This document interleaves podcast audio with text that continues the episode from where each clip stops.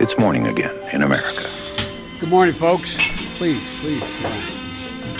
Come on, let's go. Let's go get some coffee. Thank you very much. Det er fredag 5. juni, og morgenkaffen er servert.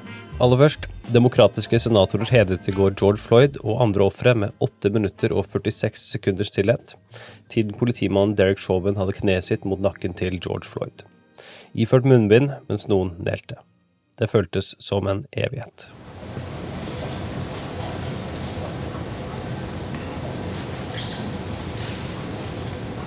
Senere i dag så kommer oppdaterte ledighetstall for mai, og det forventes at de vil vise 20% arbeidsledighet. Dette påvirker etniske minoriteter særlig sterkt. Færre enn halvparten av svarte i arbeidsfør alder har nå jobb. Ved slutten av juni er det slutt på den ekstra arbeidsledighetstrygden som har vært gjeldende siden mars, om ikke senatsrepublikanerne ombestemmer seg. Og når det gjelder potensielle visepresidentkandidater, journalisten April D. Ryan rapporterte i går at de følgende potensielle demokratiske visepresidentkandidatene har møtt Bidens team og fortsatt blir vurdert. Det er da Kamala Harris, Val Demings, Keisha Lance Bottoms, Susan Rice, Stacey Abrams, Amy Klobuchar, Elizabeth Warren og Gretchen Whitmer. Og hvis du hører på 2020, så har du hørt om disse potensielle kandidatene før. Vi kommer til også til å snakke om de ukene framover. Det republikanske partiet leter nå etter et nytt sted å avholde landsmøtet sitt i sommer, etter at det ble klart at det pga. koronarestriksjoner ikke vil være mulig å gjennomføre arrangementet på vanlig måte som planlagt i North Carolina. Steder som skal være under vurdering er blant annet Jacksonville, Phoenix, Dallas, Nashville og Atlanta. Vi har også med noen andre saker i dag.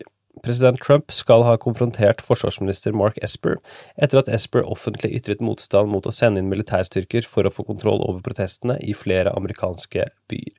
Ifølge kilder amerikanske medier har snakket med, så er Trump rasende og skal ha bedt rådgiverne sine om navn på mulige erstattere for Esper, men rådgiverne har oppfordret ham til ikke å sparke forsvarsministeren.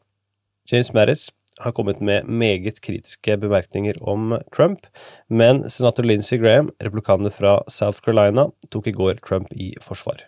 To General Mattis, I think you're missing something here, my friend. You're missing the fact that the liberal media has taken every event in the last three and a half years and laid it at the president's feet. I'm not saying he's blameless, but I am saying that you're buying into a narrative that I think is, uh, quite frankly, unfair. Så har det kommet en god del målinger. Det er så godt som dødt løp mellom Joe Biden og Donald Trump i Ohio, og Biden leder solid i flere viktige delstater, ifølge Fox News. Kanalen slapp torsdag nye målinger fra en rekke delstater. I Ohio så får Biden 45% og Trump 43 Med en feilmargin på to prosentpoeng er det nesten umulig å si hvem som ligger best an i delstaten. I Wisconsin så er Bidens ledelse imidlertid trygg. Her leder den tidligere visepresidenten med 49% over Trumps 40% en betydelig økning siden forrige måling i januar. Og i Arizona så leder Biden også 46% mot Trumps 42 I senatsvalget her så leder også demokrat og astronaut Mark Kelly med 50% mot sittende senator Martha McSallis 37 det har også kommet en ny måling fra North Carolina fra Public Policy Polling. Her leder Biden med 49% mot Trumps 45 vi kan avrunde uka med en uh, reklamesnutt. Det er da The Lincoln Project, som er en gruppe opprettet av en rekke fremtredende republikanere og tidligere republikanere, eller Never Trumpers om du vil, som da torsdag lanserte en ny reklame som hudfletter Donald Trump for hans opptreden i møte med demonstrasjoner og opptøyer den siste uken.